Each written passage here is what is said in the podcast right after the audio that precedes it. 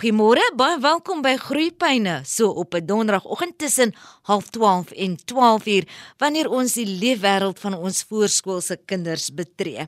Nou verlede week het ek met Dr. Elsabie Wessels gesels oor grondslagfase onderwys. Sy is verbonde aan die fakulteit opvoedkunde aan die Universiteit van Noordwes waar sy dan ook doseer in die dissipline. En hierdie week het ek dit goed gedink om haar terug te nooi na die ateljee na aanleiding van al die wonderlike terugvoer wat ons oor ons gesprek verlede week gehad het. Goeiemôre Dr. Elsabie Wessels en baie welkom by Groepyne weer eens. Goeiemôre en baie dankie vir die voorreg om met julle te kan gesels. Sommige dagsorgsentrums het natuurlik ook 'n graad R klas met 'n opgeleide onderwyser of onderwyseres. As 'n mens nou moet oorweeg dokter Wessels, hou ek my kind dan in daardie bekende omgewing of is dit beter dat daardie kind reeds by 'n groot skool aansluit vir graad R om dan die hele loop van 'n laerskoolloopbaan daar te hê? 'n Mens kan nie vaste reëls sê nie, want dit hang af van die gehalte van die program by die dagsorgsentrum, nommer 1. Dit hang ook af van die kindjie se persoonlikheid. Dit moet kry ons 'n kindjie wat baie onseker is van homself en 'n aanpassing laerskool toe waar die klokke lui en waar dalk 'n korte pouse het en waar daar dalk 'n formele aanslag is, gaan nie in daai kind se beste belang wees. So mens kan nie vir algemeen daar nie. Daar moet die ouers weer luister doen. Kyk, hoe lyk dit by die skooltjie waar jou kind nou is? Watter gehalte is daar in graad R? Gaan kyk ook by die laerskool. Wat is daar beskikbaar? ek het dit vir die ouers gesê as jy veilig en tuis voel by 'n skool, sal jou kind veilig en tuis voel. Want dit is ook in opsig van die kulture. Verstaan jy, dis iets wat ouers wat graag hulle kindjie in 'n Afrikaanse skool wil sit. Gaan voel eers of jy omarm word in daai skool. Is ek regtig welkom hier voordat jy jou kindjie daaraan blootstel? So dit is regtig 'n mens kan nie 'n vaste reël maak nie. Dit gaan oor die gehalte van die program, dit gaan oor die hoeveelheid liefde wat daar is, dit gaan oor die kognitiewe stimulering wat daar is. Die kind is 'n holistiese mens. Hy het fisiese behoeftes, hy het emosionele behoeftes, hy het kognitiewe behoeftes. Daar's morele aspekte waarna 'n mens moet kyk. So die ouer self en as die ouer twyfel, gaan praat dan met iemand. Gaan praat met 'n kenner in jou gebied en sê maar wat sal jy aanbeveel? En hoe berei 'n mens die kind voor want ons is mos nou angstig groot skool, groot skool kom uh volgende jaar. Hoe sê ons vir daardie kleintjie oor die veranderinge wat voorlê en hoe maak ons hulle opgewonde want die woorde wat ons gebruik is so belangrik. Dit is ongelooflik belangrik. Ja, jy moet jou kind laat uitsien na die toekoms. Daar moet altyd ietsie wees om na uit te sien wat ek dit wil sien in my eie kleinkinders en met ander kindertjies is dat hulle te veel te vinnig kry, te veel speelgoed, te veel van alles en, en ons ons neem eintlik daai kind die geleentheid om uit te sien na iets. So dit is vir my baie belangrik dat die kind moet uitsien na graad 1 waar ek gaan huiswerk kry. En dat is nie nou al in graad R kry ek al huiswerk en ek speel hokkie en ek speel netbal en wat is dan so anders aan graad 1? Dat ons ons begin te vroeg moet gedoen. Noordwes Universiteit het verskeie kere al navorsing gedoen en en bewys dat dit is nie goed vir ons laerskoolkinders om so blootgestel te word aan kompetisie en altyd die wenfaktor te hê nie. So kom ons beskerm ons klein kindertjies en dat ons almal net kan wees dat ek kan hardloop al kom ek laaste dat ek kan teken al teken ek nie so mooi nie. Dat daar nie 'n vasgestelde werkboek is om te sê goed jy trek nou alle bladsytjies en al jou goedjies is perfek en van kleins af kry ons sterretjies nie. Ons moet nie ons kinders groot maak om te sê ek moet altyd wen ek moet altyd die beste wees nie maar ons moet altyd ons kinders help om uit te sien na dit wat kom. En ons kindertjies verseker dat wanneer hulle daar kom hulle wel gereed gaan wees om dit te doen Ek onthou so goed die een ou seentjie in my klas was so bang vir die laerskool. Hy was in my klas in graad R en um, nou moet hy laerskool toe gaan en hy sê mamma gesê maar sal ek dit kan doen? Sal en toe kom hulle na my toe al twee in die middag en ek het die tellertjies gevat en hom gesê wys my waar's agt tellers ses tellers skryf my naam te sê jy wat jy so reg te sê jy sal dit kan doen En um, daai vertroue te bou dat ek is goed genoeg, dit is vir my verskriklik belangrik. Daar's die aspek wanneer ons uh, kind het en ons wil die beste vir ons kinders, elke ouer wil. En dan probeer ons al hierdie kundige skry en ons luister na hulle en hulle voorsien ons van raad want ons wil ons kind 'n voorsprong gee om te verseker dat hierdie kind kan presteer. En nou verwys u nou juis nadat ons nie noodwendig dat die kompeterende aspek so moet opbou nie en net dat 'n kind kind moet wees. En dis is my vraag druk ons ons kinders te gou ryp? Verseker ek sal dit vir jou sê sonder om 'n oomblik te huiwer Ek kry die kinders so so jammer. As iemand net 'n graad 1 kind se tas in die derde kwartaal optel. Tel net daai tas op. Dan voel jy hierdie gewig is te veel vir hierdie lyfie. Die aktiwiteite is te veel. Hulle het nie tyd om kind te wees nie. En ek weet nie hoe dit van verander nie. Ek weet nie wie sal met vasstap om te sê dis nou genoeg. My kind is 'n kind en my kind moet speel nie. Jy weet Max Lucado het 'n boek geskryf en nou kan ek ongelukkig nie die boek se naam onthou nie, maar dit gaan oor 'n dogtertjie wat nie plakkertjies op het nie. In daardie samelewing was dit of 'n goue ster as jy goed was of 'n grys plakker as jy nie goed was nie. En hierdie arme ouetjie, sy naam was Volkenolfie. Hy was vol van die grys plakkers. Hy het sy beste probeer, maar hy kan nie ver genoeg spring nie. Hy kan nie vinnig genoeg hardloop nie. Hy kan nie genoeg uh, kartondose versamel nie. Hy kry net nie 'n goue ster nie. En te sien hy die dogtertjie en hy sien maar sy het nie plakkers op nie. Sy het nie sterre of te sê hy van hoe kry jy dit reg? Dis sê sy man, ek gaan elke dag daar op die bult. Is die man wat die houtmannetjies gemaak het. Ek gaan elke dag na hom toe. Ek het Polkenosie ook sien toe gestap en te sê sy skieter vir hom kom bietjie nader Polkenosie te sê maar ken jy my naam? Te sê natuurlik ek het jy dan gemaak. Te sê ek wil weet hoe kan hy plakkers afval van my af. Te sê sy skieter vir hom, moenie vir jou steur wat die ander mense sien nie, moenie vir jou steur aan hulle plakkers nie, want ek het jou gemaak met 'n spesiale doel. Net wat ek sê is belangrik.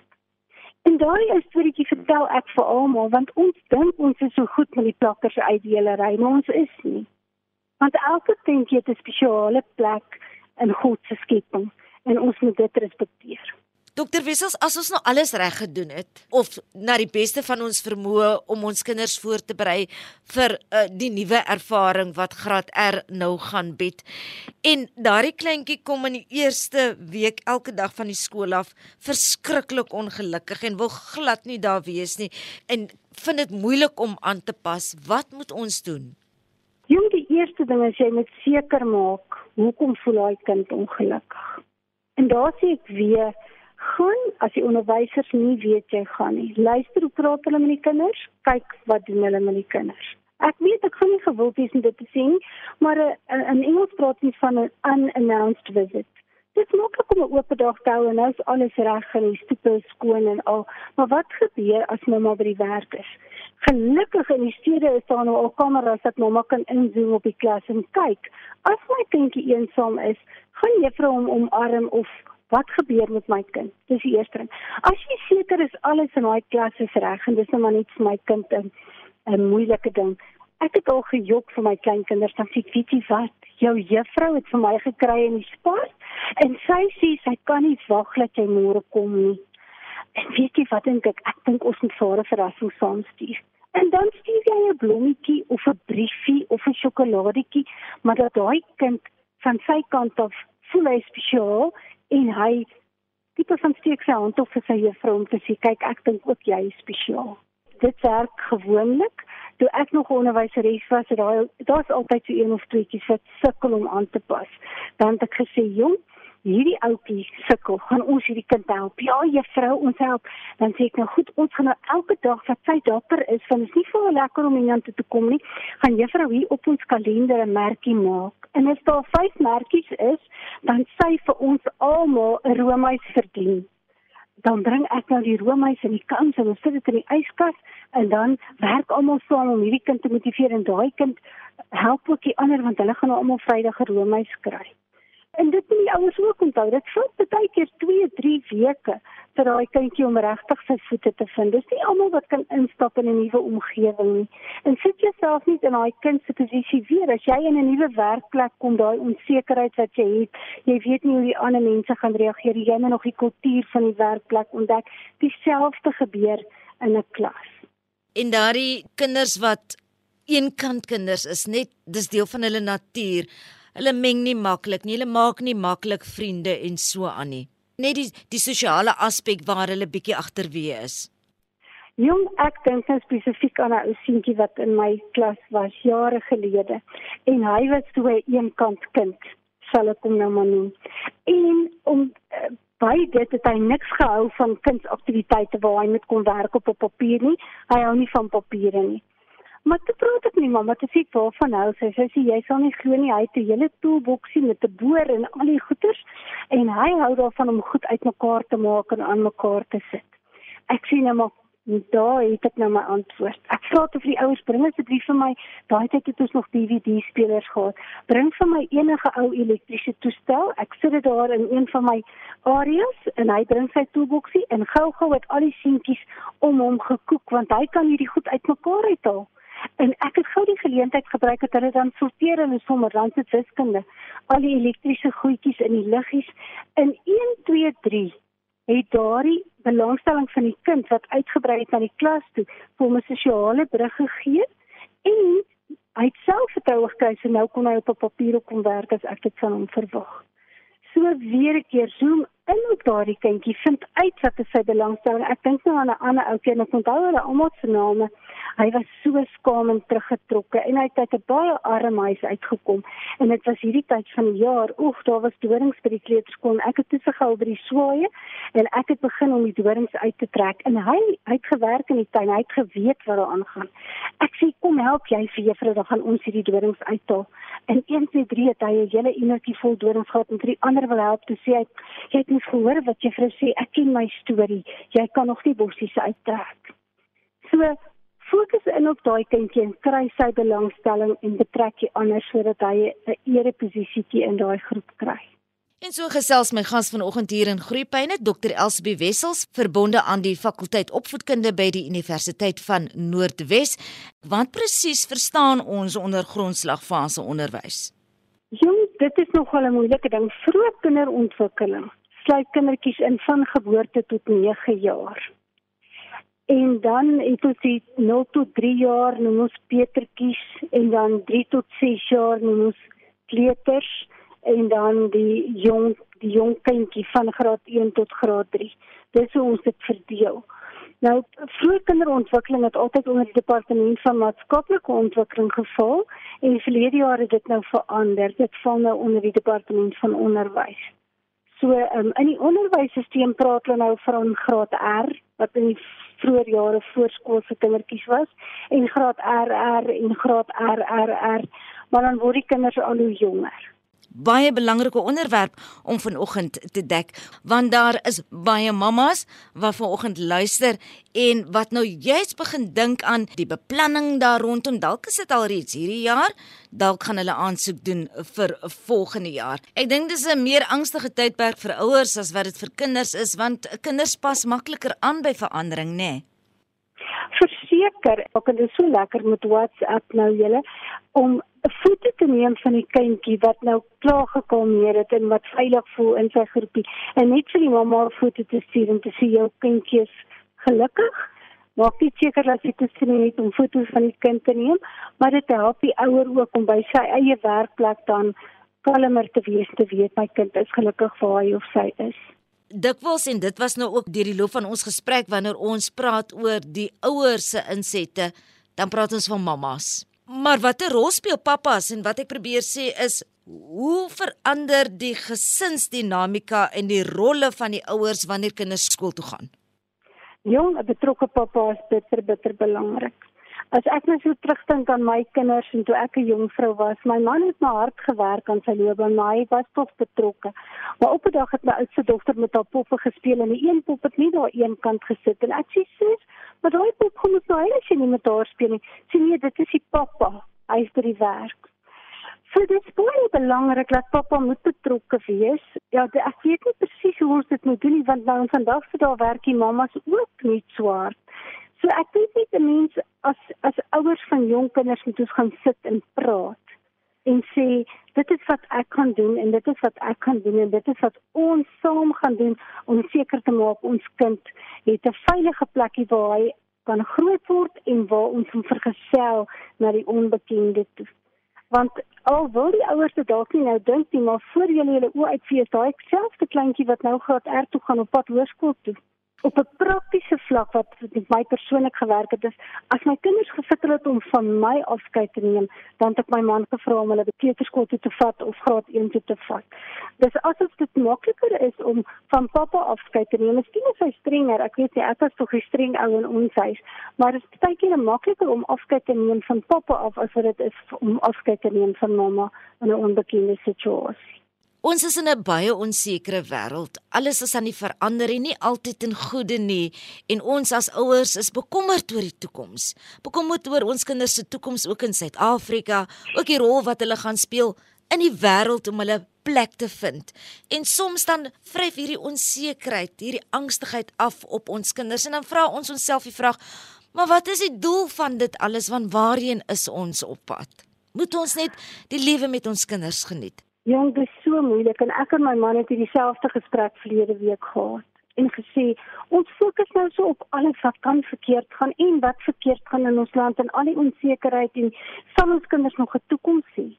Maar as ons nou dink aan 1978 toe ek matriek gehad het, toe was daar onrus in die land. Al die jong seuns moes 2 jaar lank gaan oorlog maak het. Dit was ook onseker tye. In dieselfde mate as vandag. En tog het God voorsien.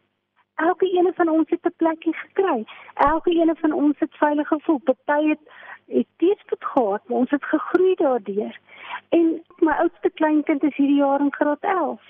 En hy sien ook die verandering in ons land en hy sien dit maak nie saak watter uitdaging kom nie, ouma, die Here sal voorsien. En dit is alwaar ons kan vashou. Ons moet en en ek respekteer alle godsdienste. Ek gesonder nie Christene nou uit nie, maar ons moet vir ons kinders daai ankers in die geloof gee. God is ons voorsiener. God sal vir ons sorg.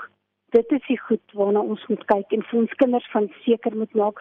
Ons kan nie kinders grootmaak sonder dat ons hulle 'n anker gee in in ons Skepper nie. En so gesels my gas vanoggend Dr Elsabie Wessels verbonde aan die fakulteit opvoedkunde by die Universiteit van Noordwes waar sy klas gee oor die grondslagfase onderwys en dit was dan ook deel van ons gesprek die afgelope 30 minute. Baie sterkte vir die werk wat u doen by die Universiteit van Noordwes en daardie studente wat dan uiteindelik dan ook die onderwysers gaan word wat ons kinders gaan help grootmaak, ons kinders gaan leer, ons kinders gaan inspireer en ons kinders met liefde en respek behandel soos wat u vanoggend so duidelik 'n advokaat voor is. Ek sê altyd vir my studente, my werk is om hierdie vlam wat in my hart brand in julle harte aan te steek. Want sonder daardie passie, sou ek vir jou sê, sou jy nie daai werk kan doen nie.